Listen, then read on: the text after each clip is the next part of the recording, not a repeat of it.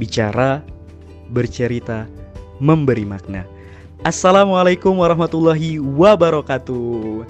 Selamat pagi, selamat siang, selamat sore, selamat malam di mana pun teman-teman pendengar berada.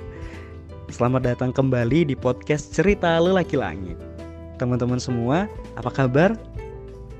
Alhamdulillah, semoga semuanya dalam keadaan yang baik ya Dalam keadaan sehat walafiat, dalam keadaan bahagia dan dalam keadaan yang semangat.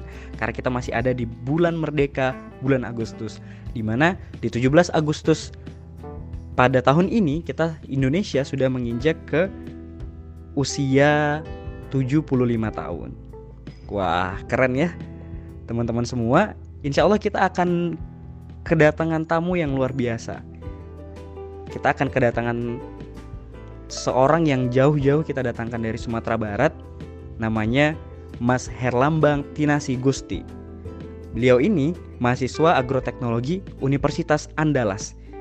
Beliau juga delegasi summer course di Hiroshima, Jepang pada tahun 2017, founder and master of trainer Lingkar Juara, founder Lingkar Iman, CEO CP Mahasiswa Dewantara, awardi dari beasiswa Etos Dompet Duafa dan beliau juga merupakan koordinator zona dari MITI KM wilayah Sumatera bagian utara. Wah, luar biasa ya.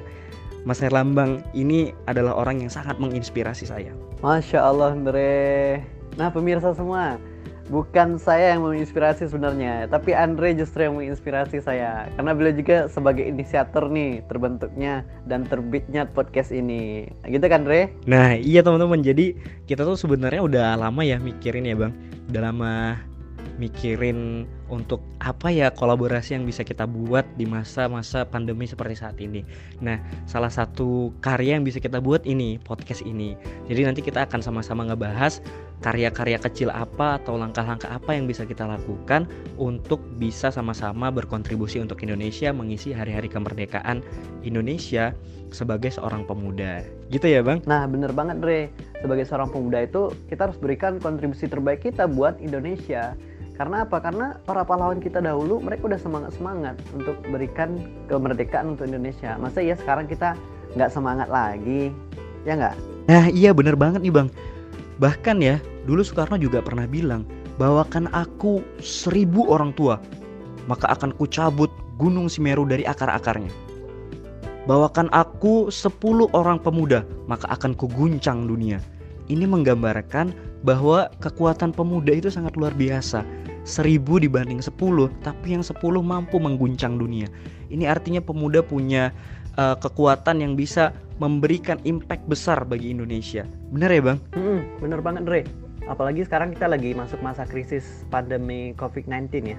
Jadi memang uh, generasi muda ini yang full power full semangat gitu itu harus digenjot lagi harus dipetik lagi semangatnya gitu.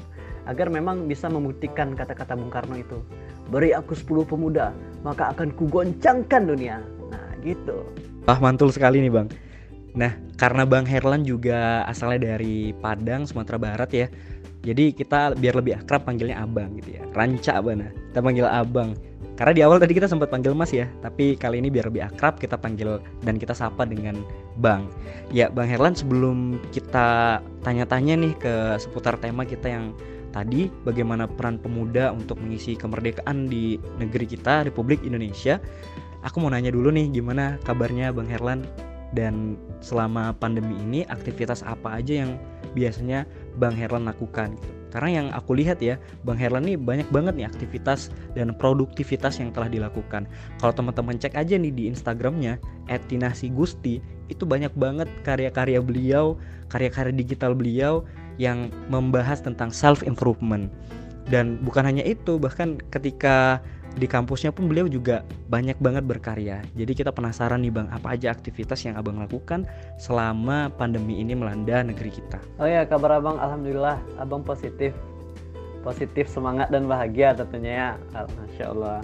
Nah e, berkaitan dengan aktivitas ya. Jadi itu mungkin barangkali sedikit aktivitas juga kita sharing-sharing di Instagram @nasi gusti kalau mau di follow boleh juga nah jadi itu uh, saya uh, berkutat di bidang training training uh, berkenan dengan self improvement targetan kita adalah pelajar dan mahasiswa gitu. khususnya untuk seluruh pemuda lah pemuda dan remaja gitu. nah aktivitas sekarang uh, saya masih di asrama Unan sebagai pembina asrama terus juga masih nge-lab ya masih ada aktivitas di lab terus ditambah lagi uh, freelance uh, video editing dan juga uh, designer terus uh, aktivitas lagi di beberapa komunitas dan juga di CV ya CV mahasiswa Dewa.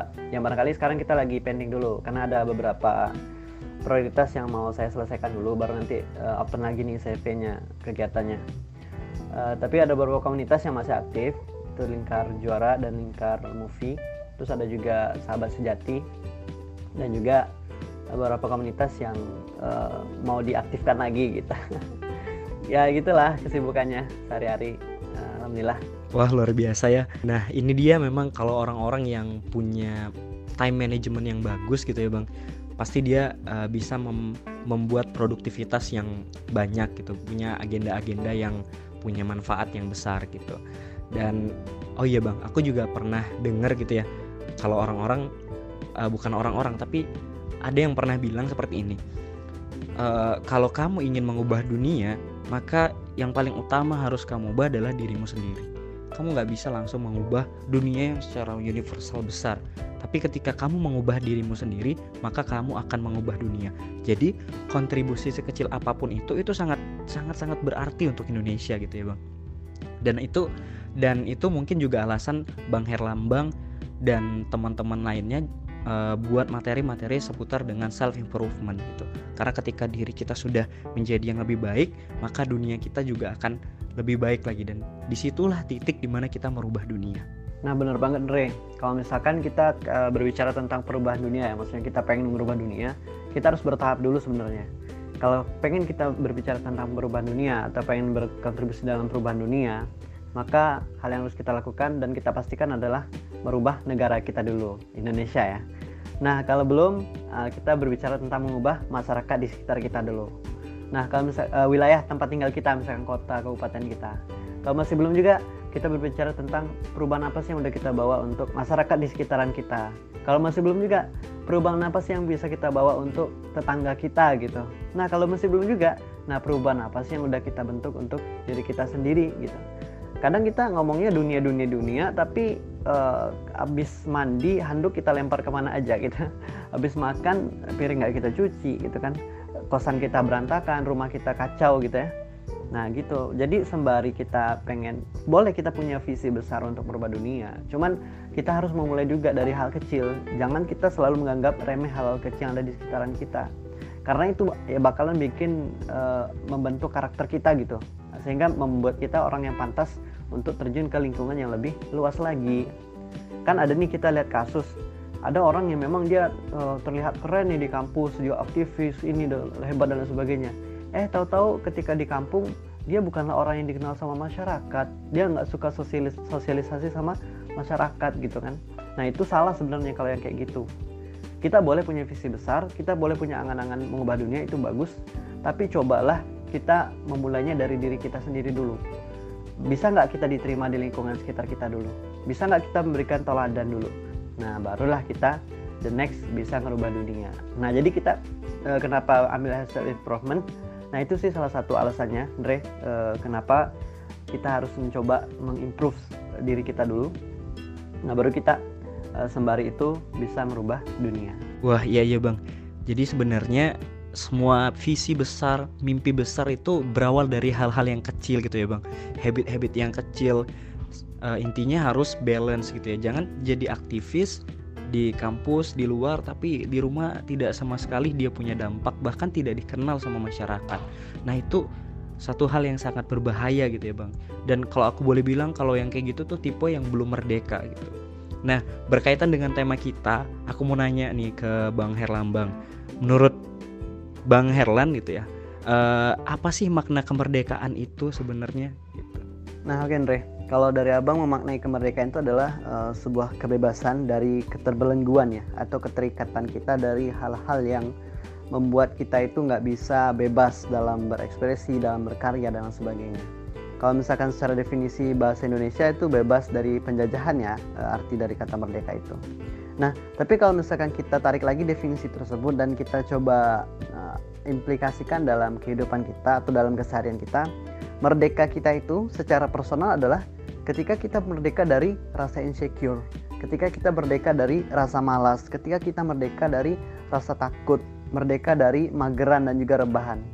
Nah, ketika kita bisa lepas dari hal-hal negatif seperti itu, maka itu bisa dikatakan kita sudah merdeka.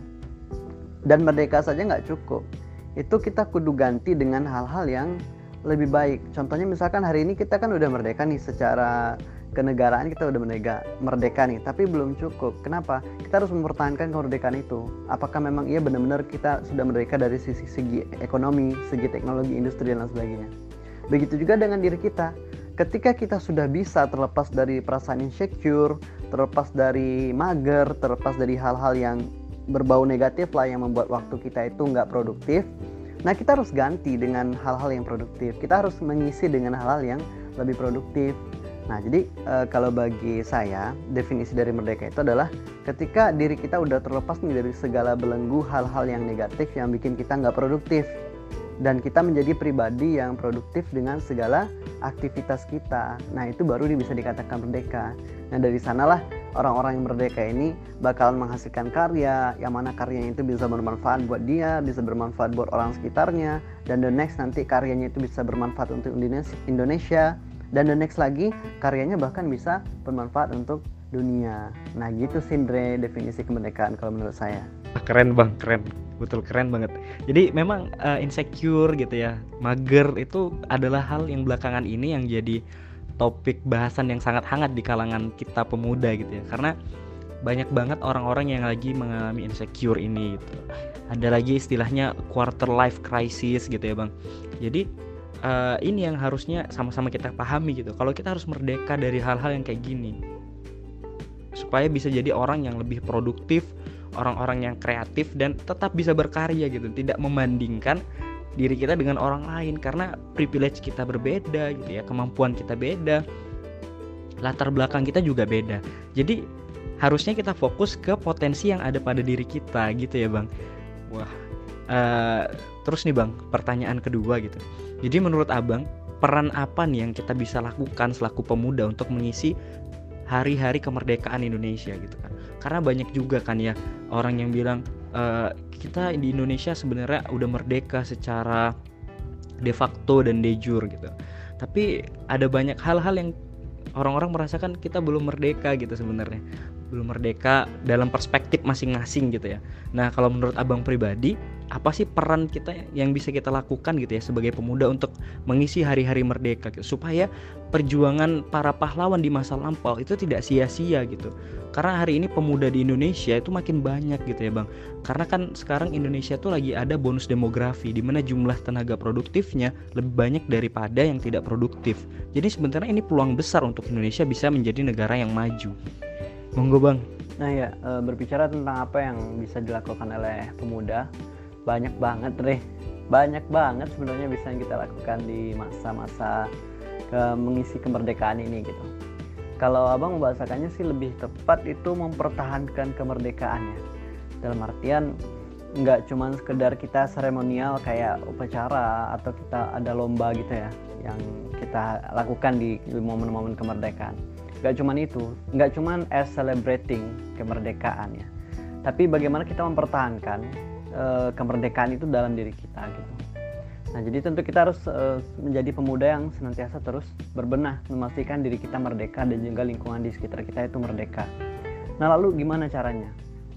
Nah, ada sebuah uh, quotes ya. Jangan baperan, tapi harus banyak peran gitu. Jangan baper karena uh, bawa perasaan ya tapi bapernya karena banyak peran gitu ya nah sebagai seorang pemuda Indonesia kita harus banyakin peran kita dong gitu di setiap eh, lini-lini uh, yang kita geluti. Misalkan kita fokus sekarang di bidang apa nih? Apakah kita orangnya yang fokus di bidang olahraga? Ya udah, kita bisa melalui bidang olahraga itu untuk membanggakan bangsa kita. Misalkan kita ikut Olimpiade gitu kan, menang, terus nanti Asian Games, terus nanti apa gitu kan. Nah, itu sebagai salah satu kontribusi yang kita kita lakukan selaku, selaku pemuda gitu atau kita sekarang fokusnya di bidang apa sih nah jadi untuk bisa kasih kontribusi nyata untuk Indonesia ini, untuk mengisi kemerdekaan itu, untuk mempertahankan kemerdekaan itu, nggak harus pula kita kayak orang-orang lain gitu.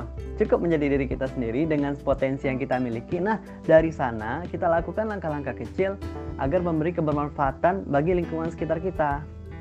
Oke deh, kita punya visi buat uh, dunia, kita punya visi buat Indonesia. Tapi kita mulai dulu deh dari langkah kecil. Karena nggak akan terwujud kalau kita nggak pernah ngelangkah. Nah jadi kalau pengen kontribusi ya kontribusi aja. Asal itu memberikan uh, efek positif tentunya ya. Jangan kontribusi kita justru malah merugikan nah jadi kalau ditanya apa yang bisa dilakukan sama pemuda Indonesia hari ini di momen-momen kemerdekaan atau mempertahankan kemerdekaan itu banyak banget jawabannya. Tergantung si pemudanya. Dia uh, bakat atau lagi menggeluti bidang apa sekarang. Kalau dia seorang peneliti, dia menggeluti bidang tentang kajian ilmu penelitian, ya udah fokus di sana. Jadilah seorang uh, ilmuwan yang nantinya membawa nama baik bangsa Indonesia. Kayak teman-teman di WITI ya. Atau kalau misalkan dia seorang yang jago di bidang desain, IT dan programmer, ya udah fokus di sana. Jadi seorang programmer kelak yang nantinya akan mengharumkan nama bangsa gitu. Seorang programmer yang bisa uh, membantu orang-orang yang sedang kesulitan misalkan websitenya diretas ataupun dihack dan sebagainya. Nah itu adalah kontribusi yang bisa kita lakukan sebagai seorang pemuda bangsa ini.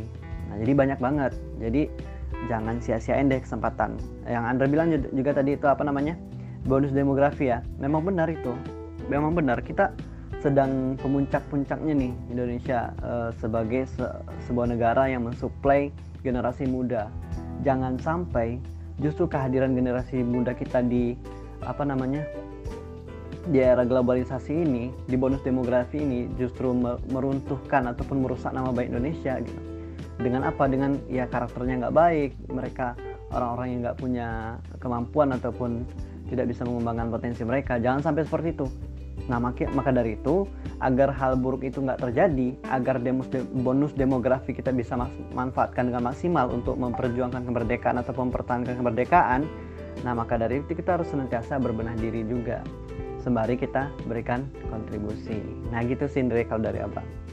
Wah sip bang, kalau kata anak-anak zaman sekarang tuh mantul. Ya aku sepakat banget sih kalau memang kita sebagai pemuda tuh harus memaksimalkan potensi kita masing-masing sesuai dengan bidang yang sudah kita geluti gitu. Jadi kan uh, pada dasarnya Tuhan itu menciptakan kita punya potensinya masing-masing gitu.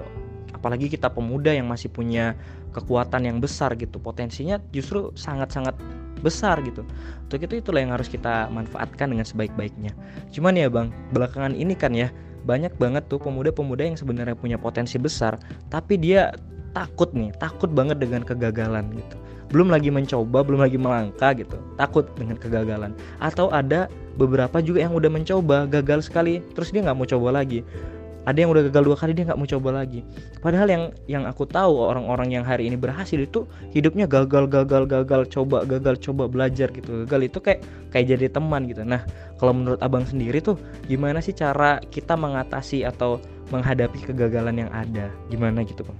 Andre uh, kegagalan barangkali kebanyakan bagi pemuda itu menjadi sebuah momok ya, menjadi hal yang sangat ditakuti, yang sangat-sangat dihindari gitu. Nah bener Dre, banyak orang sukses itu uh, berawal daripada gagal dulu. Gak ada yang orang langsung sukses gitu aja gitu. Mereka telah melalui banyak proses dan mereka mereka telah melalui banyak kegagalan. Kalau gagal itu sebenarnya hal yang biasa dan uh, hal yang biasa kita temui dalam kita berproses. Namanya juga kita berusaha gitu ya yang sepatutnya kalau kita gagal itu kita harus bangkit lagi kita harus menjadikan kegagalan itu menjadi sebuah pelajaran di podcast. Kontribusi nyata ada tuh. Learning moment ya. Gagal itu kalau uh, saya berpendapat gagal itu saya jadikan sebagai learning moment atau momen pembelajaran. Karena dengan gagal itu kita bakalan banyak belajar nantinya. Nah jadi caranya mengatasi kegagalan ataupun takut gagal ya kita harus percaya dulu sama diri kita dan kita harus berani untuk mencoba dulu perkara gagal atau berhasil nantinya kalau kita sudah usaha itu sudah suatu langkah hebat yang kita lakukan sudah suatu kemajuan yang kita lakukan begitu juga ketika para pahlawan kita ya bisa membebaskan eh, negara ini dari penjajahan hingga bisa merdeka kan awalnya gagal-gagal dulu kalah-kalah dulu perangnya gitu baru bisa menang Nah, jadi kegagalan adalah kesuksesan yang tertunda gitu dan kegagalan adalah sebuah pembelajaran. Jadi nggak usah takut deh kalau nanti gagal gitu. Gitu Sindre. Wah bener banget bang, uh, karena ya kan dulu itu uh, para pahlawan udah berjuang gagal berjuang gagal, bangkit lagi, bangkit bangkit bangkit sampai akhirnya Indonesia bisa merdeka. Masa iya dulu pahlawan kita berjuang melawan penjajah, dengan begitu luar biasanya? Kita yang hari ini hidup sudah tidak ada penjajah yang pada dasarnya hanya melawan diri sendiri ya, melawan rasa malas, melawan ketakutan dari diri sendiri, itu mudah banget untuk uh, berhenti berjuang gitu. Padahal banyak sekali kebaikan-kebaikan yang ada sebenarnya di balik gagal itu ya, Bang. Karena gagal kan uh, pintu gerbang sebelum kita cap, uh, sampai ke keberhasilan itu gitu. Jadi ya banyak banget uh, pelajaran yang bisa kita ambil dari kegagalan sehingga kita sampai nanti ke keberhasilan. Nah, yang jadi pertanyaan adalah uh, dari Bang Herlan pribadi apa sih kegagalan yang pernah dialami gitu atau yang paling berkesan lah bagi Bang Herlan dan yang bisa membuat Bang Herlan bangkit hingga hari ini gitu. Jadi udah gagal terus bangkit dan berhasil gitu. Apa yang udah pernah Bang Herlan alami di sana? Baik, uh, berkaitan dengan kegagalan uh, dan pengalaman gagal itu ya. Serius deh, kalau saya udah banyak gagalnya gitu. banyak gagalnya. Tapi bukan berarti ketika saya gagal itu saya memilih untuk uh, takut gitu ataupun sedih ataupun galau dan berhenti. Awalnya memang saya pernah merasakan hal itu ya. Ketika gagal, emang gagal itu nggak enak loh rasanya. Tapi setelah saya pikir-pikir bahwasanya kalau saya stuck di dalam kondisi itu, dalam kondisi galau, sedih, itu tidak akan mengubah apa pun ya gagal ya gagal apa yang sudah kita lakukan ya sudah selesai gitu pernah waktu saya pengen masuk kampus ya pengen kuliah saya daftar jalur SNPTN jalur undangan itu. Dan saya gagal di semua pilihan yang saya pilih di jalur SNPTN itu. Sempat uh, ya sedih dan memilih untuk kayaknya nggak usah kuliah deh kerja aja di kebun jadi petani gitu ya. Tapi uh, setelah saya pikir-pikir lagi setelah saya coba dialog dengan diri saya ternyata itu bukanlah pilihan yang tepat bagi saya karena saya melihat kondisi keluarga juga keluarga memiliki harapan yang besar kepada saya untuk bisa melanjutkan studi lalu saya bertekad untuk ayo pokoknya saya harus lanjut masih ada SBM dan masih ada tes-tes yang lain gitu.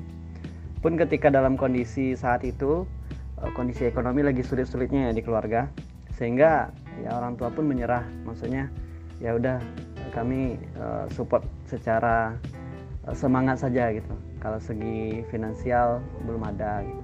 Itu kata orang tua tapi itu tidak melemahkan semangat saya setelah saya gagal SNPTN dan tanpa support secara ekonomi dengan kondisi keluarga yang sulit pada masa itu dan saya tetap mencoba dan saya saya punya keyakinan untuk bisa membuktikan suatu hari saya bisa kuliah menjadi mahasiswa tanpa harus ngerepotin orang tua saya tanpa harus minta duit dari orang tua saya. Dan alhasil setelah saya coba lalui proses tersebut, saya coba cari informasi beasiswa, saya coba apply beasiswa, saya coba cari informasi tentang SBMPTN ke sekolah, tanya ke guru-guru, dan akhirnya eh, saya coba memberanikan diri untuk mendaftar, untuk mendaftar, ya, ikut bidik misi dan lain sebagainya.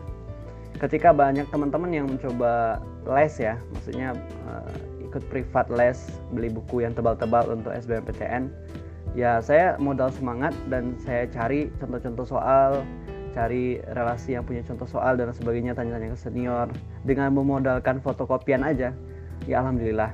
Saya bisa lulus SBMPTN bahkan nggak cuma di kampus uh, di satu kampus ya bahkan dua kampus sekaligus dan itu kedua-duanya beasiswa.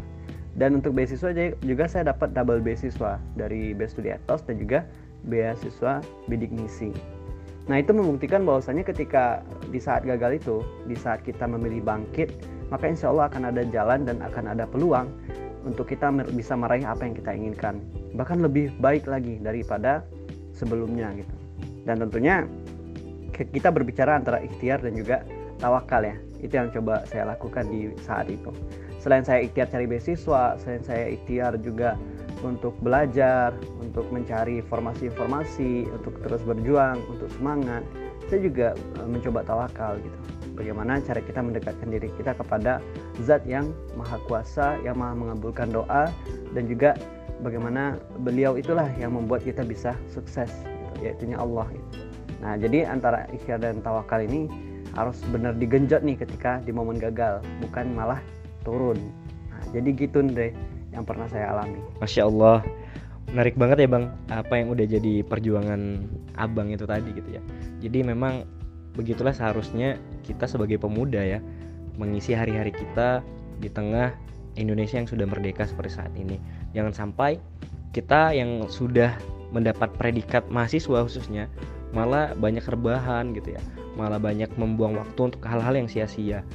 Nah karena umur itu nggak ada yang tahu ya bang sampai kapan gitu ya. Dan kita juga satu detik bahkan nggak tahu satu detik ke depan apakah kita masih bisa hidup atau tidak. Makanya kita harus berbuat yang terbaik gitu. Gagal ya coba lagi gagal coba lagi. Uh, aku juga pernah dengar gitu ya bang uh, di salah satu uh, sharing session yang pernah mengundang Bang Herlan gitu ya. Bang Herlan pernah bilang kalau nih tips juga untuk teman-teman ya untuk semua teman-teman pendengar. Kalau kita punya impian kita punya cita-cita apa pun cita-cita yang itu adalah dasarnya kebaikan sebenarnya adalah untuk mengisi hari-hari kita di tengah kemerdekaan kita ini gitu. Waktu itu Bang Herlan bilang kalau kita punya impian kalau kita punya cita-cita syaratnya nggak nggak susah gampang. Cukup bangun di sepertiga malam berdoa sama Allah pasrahkan semuanya sama Allah. Insya Allah hati kan tenang apa pun takdir yang terjadi kita akan terima. Seperti itu ya bang. Nah itu menurut aku juga hal yang paling berkesan sih. Karena ketika bangun di sepertiga malam itu ya kondisinya orang-orang pada terlelap dan memang hubungan yang sangat-sangat romantis antara para para hamba dengan Tuhannya gitu.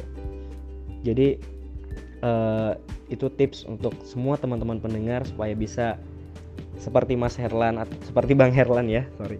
Seperti Bang Herlan yang udah luar biasa bangkit sampai hari ini. Beliau bisa masih bisa berdiri semuanya tentunya karena takdir Allah. Insya Allah Andre. Oh ya itu sharing yang di Instagram kalau nggak salah. Ada di video eh, di posting gitu ya uh, tentu kita sebagai seorang pemuda adalah harapan bagi bangsa ini. Kita adalah iron stock kita adalah agent of change dan kita adalah orang yang akan membawa perubahan ke arah lebih baik daripada uh, negara kita ini. Dan juga kita sebagai social control gitu. sangat disayangkan nih secara legalitas negara kita sudah merdeka tapi kita secara personal masih belum merdeka gitu ya jadi harus kita imbangi juga negara kita secara formal merdeka kita secara personal juga harus merdeka dan tentunya dengan begitu kita bisa memiliki cita-cita yang besar untuk negara ini dan untuk dunia lah nantinya. Siap bang, sepakat. Sangat-sangat sepakat dan aku yakin para pendengar juga pasti sangat sepakat bahwa kita dan negara kita harus benar-benar merdeka. Ya. Dan ini pertanyaan terakhir nih bang. Dalam berjuang gitu ya, mengisi hari-hari kita di tengah kemerdekaan. Walaupun sekarang ini kita sudah masuk di bulan September gitu ya. Tapi semangat merdeka ini harus ada di sepanjang tahun gitu. Jangan sampai hanya di bulan Agustus aja kita semangatnya gitu. Justru semangat merdeka ini yang harus kita terus warisi. Karena melihat para pejuang para pahlawan yang sudah gugur demi kemerdekaan Indonesia jangan sampai kita sia-siakan itu gitu semangat juang kita semangat merdeka kita harus ada di sepanjang tahun. Nah kira-kira bang dalam berjuang itu baik meraih impian atau berjuang untuk apa pun kebaikan itu gitu kira-kira gimana sih cara untuk ngebangun mindset yang terus bertumbuh gitu? Karena kita tahu mindset ini jadi hal yang sangat-sangat penting juga khususnya untuk kita orang-orang yang ada di Indonesia gitu ya. Di mana mindset jadi salah satu kendala gitu ya dalam berjuang tentu ketika perjuangan secara fisik berjalan dengan baik dan mindsetnya juga baik itu akan menghasilkan sesuatu yang baik gitu dan bahkan yang paling utama adalah bagaimana kita membangun mindset mindset yang terus bertumbuh dan bertumbuh. Gitu. Nah kalau menurut Bang Herlan sendiri membangun mindset yang terus bertumbuh itu gimana caranya gitu supaya semuanya balance gitu hingga akhirnya perjuangan itu terasa sangat indah gitu walaupun ada gagal, ada jatuh, bangun, bangkit dan sebagainya. Tapi kita tetap semangat karena kita punya mindset yang bagus, kita punya tujuan yang kokoh dan kita tahu arah hidup kita itu seperti apa. Monggo Bang mungkin dijawab. Oke Andre, uh, cara membangun mindset ya. Uh, memang uh, krisis mindset ataupun mindset yang agak saklek ya kalau saya membahasakan itu menjadi kendala bagi seseorang atau bahkan bagi banyak orang untuk stuck di dalam bidang tertentu gitu.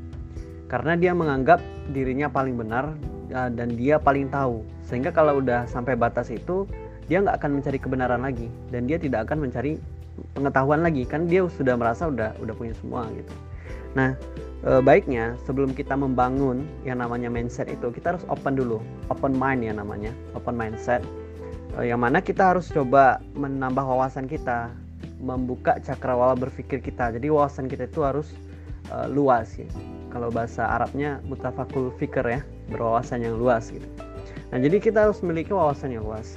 Ya, wawasan yang luas dapat dari mana? Ya dapat dari belajar gitu proses belajar apakah harus di kelas dengar ceramah nonton video enggak bisa baca buku bisa kita diskusi dengan teman bisa kita sharing seperti ini juga ini adalah salah satu proses belajar dan juga open mind nah jadi eh, kita jangan menjadi orang yang mudah eh, puas dengan ilmu pengetahuan ya. Mudah puas dengan ilmu pengetahuan dan jangan menjadi orang yang merasa paling benar tanpa kita mencoba mencari uh, kebenaran yang lain. Dalam arti maksudnya gini ketika ada perbedaan pendapat nih misalkan perbedaan pendapat dengan tata cara pelaksanaan suatu hal lah. Misalkan kayak ibadah lah pelaksanaan ibadah gitu. Uh, contoh kayak sholat taraweh ya yang pada umumnya kita udah tahu nih. Ada yang uh, 23 rakaat. Ada yang 8 rakaat gitu kan dalam pelaksanaan eh, 11 rakaat dalam pelaksanaan sholat taraweh gitu. Kalau kita nggak open mind kita akan cenderung menyalahkan orang yang sholatnya 23 eh, rakaat sedangkan kita 8 rakaat eh, 11 rakaat gitu. Karena kita nggak nggak nggak tahu eh, 23 rakaat itu ternyata juga ada dalilnya loh gitu. Tidak hanya dalam permasalahan itu dalam permasalahan juga sama gitu. Ibarat kalau pernah waktu itu saya lihat meme angka 9 ya angka 9 terus ada orang dari ujung di ujungnya itu mengatakan itu angka 6 ada orang dari ujung lain mengatakan itu angka 9 nah gitu. Jadi sudut pandangnya berbeda nih. Dari sudut pandang sana 6 sudut pandang sini 9 gitu. Sama-sama nggak salah karena mereka beda posisi aja. Nah jadi begitu juga kita hari ini. Kita harus open mind dulu dong dengan segala hal yang kita temui jangan langsung menjustifikasi ini salah ini benar. Kecuali memang kalau sudah jelas ya salah ya salah benar ya benar. Gitu namun dalam beberapa hal kita harus open mind. Nah sebelum kita membangun mindset kita perkaya wawasan kita dulu. Apa mindset tentang apa yang mau kita bangun? Misalkan semangat dalam berkarya ya udah berarti kita harus menambah pengetahuan kita tentang karya tersebut. Karya apa yang mau kita fokuskan uh, mau di mana kita bidang fokus minat kita ya kita harus terus perkaya wawasan kita terus belajar dan menggali ilmu di sana biasanya kalau orang yang udah ilmunya banyak maksudnya orang yang berilmu itu dia akan lebih open mind dia akan lebih bijak dalam memutuskan sesuatu dan dia akan lebih mudah untuk membangun uh, mindsetnya itu gitu. Nah jadi kita jangan sampai sebagai generasi muda menjadi orang-orang yang saklek ya dalam pola berpikir. Jangan sampai kita menjadi orang-orang yang uh, merasa sudah mengetahui semuanya sehingga tidak mau belajar lagi. Nah sebelum kita bangun mindset kita, kita harus juga open mindset kita. Nah kayak gitu, Dre. Menarik banget memang ya bang. Jadi yang pertama sebelum kita membangun mindset yang growth mindset atau mindset yang bertumbuh, kita harus open mind terlebih dahulu. Nah, yang jadi pertanyaan selanjutnya adalah Bang, gimana sih caranya untuk kita bisa ngebangun growth mindset itu bukan fix mindset, yaitu mindset yang terus bertumbuh, bukan mindset yang fix gitu, menetap gitu. Nah, itu Bang, karena hari ini kita juga perlu gitu mindset yang bertumbuh, bertumbuh dan bertumbuh gitu. Tidak ketika mela, apa namanya menjumpai kegagalan kita langsung menyerah gitu. Nah, dengan mindset yang growth mindset seperti ini, kita pasti akan terus bisa berkembang. Seperti itu, Bang. Oh, gitu. Nah, berikut ada beberapa cara nih, Andre, untuk bisa kita membangun mindset kita. Yang pertama, kita tuh harus fokus kepada proses. Jadi, kita memang orientasinya adalah kalau bisa hasilnya lebih baik gitu kan. Kita bisa membayangkan nanti kelak ketika kita lakukan ini hasilnya bagaimana tujuan kita nanti gimana gitu kan tapi kita juga harus fokus terhadap proses agar nanti tujuan yang bisa kita capai itu maksimal jadi yang pertama kita harus fokus pada proses nah yang kedua kita itu harus berani dalam menghadapi setiap tantangan ataupun mengambil tantangan tersebut gitu. Karena kalau kita selalu mencari zona nyaman kita tidak akan berkembang. Mindset kita akan jadi fix ya gitu doang gitu. Jadi kalau untuk growth mindset kita harus berani mengambil tantangan. Terus yang ketiga kita itu harus menjadikan uh, kegagalan itu adalah uh, pembelajaran bagi kita kegagalan itu bukanlah akhir dari dunia kita saat ini tapi kegagalan justru awal bagi kita untuk bisa mencapai sukses kita nantinya. Nah terus yang berikutnya untuk bisa kita uh, growth mindset ya. Setelah tadi kita coba uh, kegagalan itu kita jadikan pembelajaran nah kita juga harus bisa menerima kritikan-kritikan ataupun saran-saran dari orang. Jangan kita menganggap diri kita adalah orang yang paling benar sendiri gitu. Nah mungkin dengan poin-poin itu dengan cara seperti itu uh, insya Allah kita bakalan bisa menumbuhkan mindset kita. Terus poin yang terakhir agar kita bisa menggrow mindset kita agar membangun mindset kita yaitunya memahami diri sendiri. Nah, kita harus paham dengan karakter diri kita, kita harus paham dengan uh, diri kita itu gimana sih orangnya gitu, atau knowing knowing yourself gitu kan. Nah, dengan begitu akan lebih mudah lagi bagi kita nanti untuk bisa membangun mindset. Wah, siap Bang. Aku pribadi juga jadi banyak belajar ya tentang gimana caranya ngebangun mindset ini karena ini adalah salah satu hal yang paling penting lah dalam berjuang gitu ya dan tentunya aku yakin juga teman-teman yang lagi mendengarkan juga sangat sepakat gitu kita hari ini banyak banget ya dikasih ilmu sama Bang Herlan gitu dari mulai tadi di awal ya di awal bagaimana cara kita memaknai kemerdekaan itu sendiri, bagaimana kita berjuang, bagaimana kita bermimpi, sampai bagaimana ketika kita gagal ya harus bangkit gitu. Yang paling penting kita sebagai pemuda di masa-masa ini juga harus merdeka dari rasa insecure, rasa dari rasa malas, rasa mager dan lain sebagainya kita harus mengisi hari-hari kita dengan penuh manfaat penuh aktivitas baik gitu karena kita apalagi yang kita sebagai mahasiswa gitu ya sudah digelari sebagai agen perubahan agent of change gitu jadi jangan sampai malah kita yang tidak punya manfaat di masyarakat nah itu sangat tidak baik gitu ya apalagi Indonesia sudah sangat merdeka seperti saat ini tapi kita tidak memanfaatkan waktunya dengan benar-benar merdeka gitu. Jangan sampai masa muda kita kita sia-siakan dan kita menyesal di masa tua nanti. Nah, finally Bang Herlan mungkin bisa dikasih ke kita nih motivasi di akhir podcast ini, motivasi, masukan dan saran untuk kita para pendengar semua juga uh, dan kesimpulan juga dari uh, sharing kita pada hari ini. Nah, kesimpulannya uh, singkat aja sih sebenarnya. Uh, kita mengetahui bahwasanya momen kemerdekaan kita secara legalitas ya penanggalan itu 17 Agustus di setiap tahun kita laksanakan seremonialnya tapi yang lebih penting tidak hanya sekedar seremonial memahami makna dari kemerdekaan itu adalah bagaimana cara kita juga berupaya memerdekakan diri kita secara personal seperti yang kita bahas ya merdekakan diri kita dari segala hal negatif dari insecure galau dan lain sebagainya hingga kita bertumbuh menjadi pemuda yang memang kelak nanti akan bisa mengharumkan nama bangsa ini. jadi teruslah berproses, jangan takut akan kegagalan. Anggaplah kegagalan itu adalah uh, salah satu jalan yang harus kita lewati. Nanti setelah kita melewati jalan itu barulah kita bisa nyampe pada tujuan kita. Nah oke okay, itu aja Sindre untuk momen ini. Thanks juga untuk waktunya bisa sharing bareng teman-teman di podcast Lelaki Langit ya. Luar biasa nih. Masya Allah Makasih banyak Bang Herlan udah banyak banget ngasih inspirasi kita pada hari ini Udah banyak banget uh, membuat kita semangat gitu ya Dengan apa yang sudah kita diskusikan tadi. Mudah-mudahan yang kita diskusikan bisa memberikan manfaat bagi teman-teman pendengar dan yang paling penting bisa langsung kita implementasikan dalam kehidupan kita masing-masing. Agar di setiap momen kemerdekaan tidak hanya seremonial saja yang kita dapatkan, tapi memang secara jiwa, secara fisik kita benar-benar sudah berjuang untuk bisa mengisi hari-hari merdeka kita dengan hal-hal yang baik sehingga satu saat nanti kita bisa mengangkat Indonesia, mengharumkan nama Indonesia dan membuat Indonesia jadi lebih baik dan lebih baik lagi.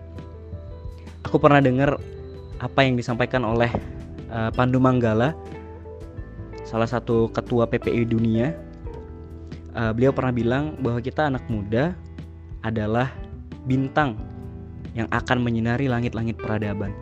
Jadi kalau kita adalah bintang, maka sinar kita harus benderang.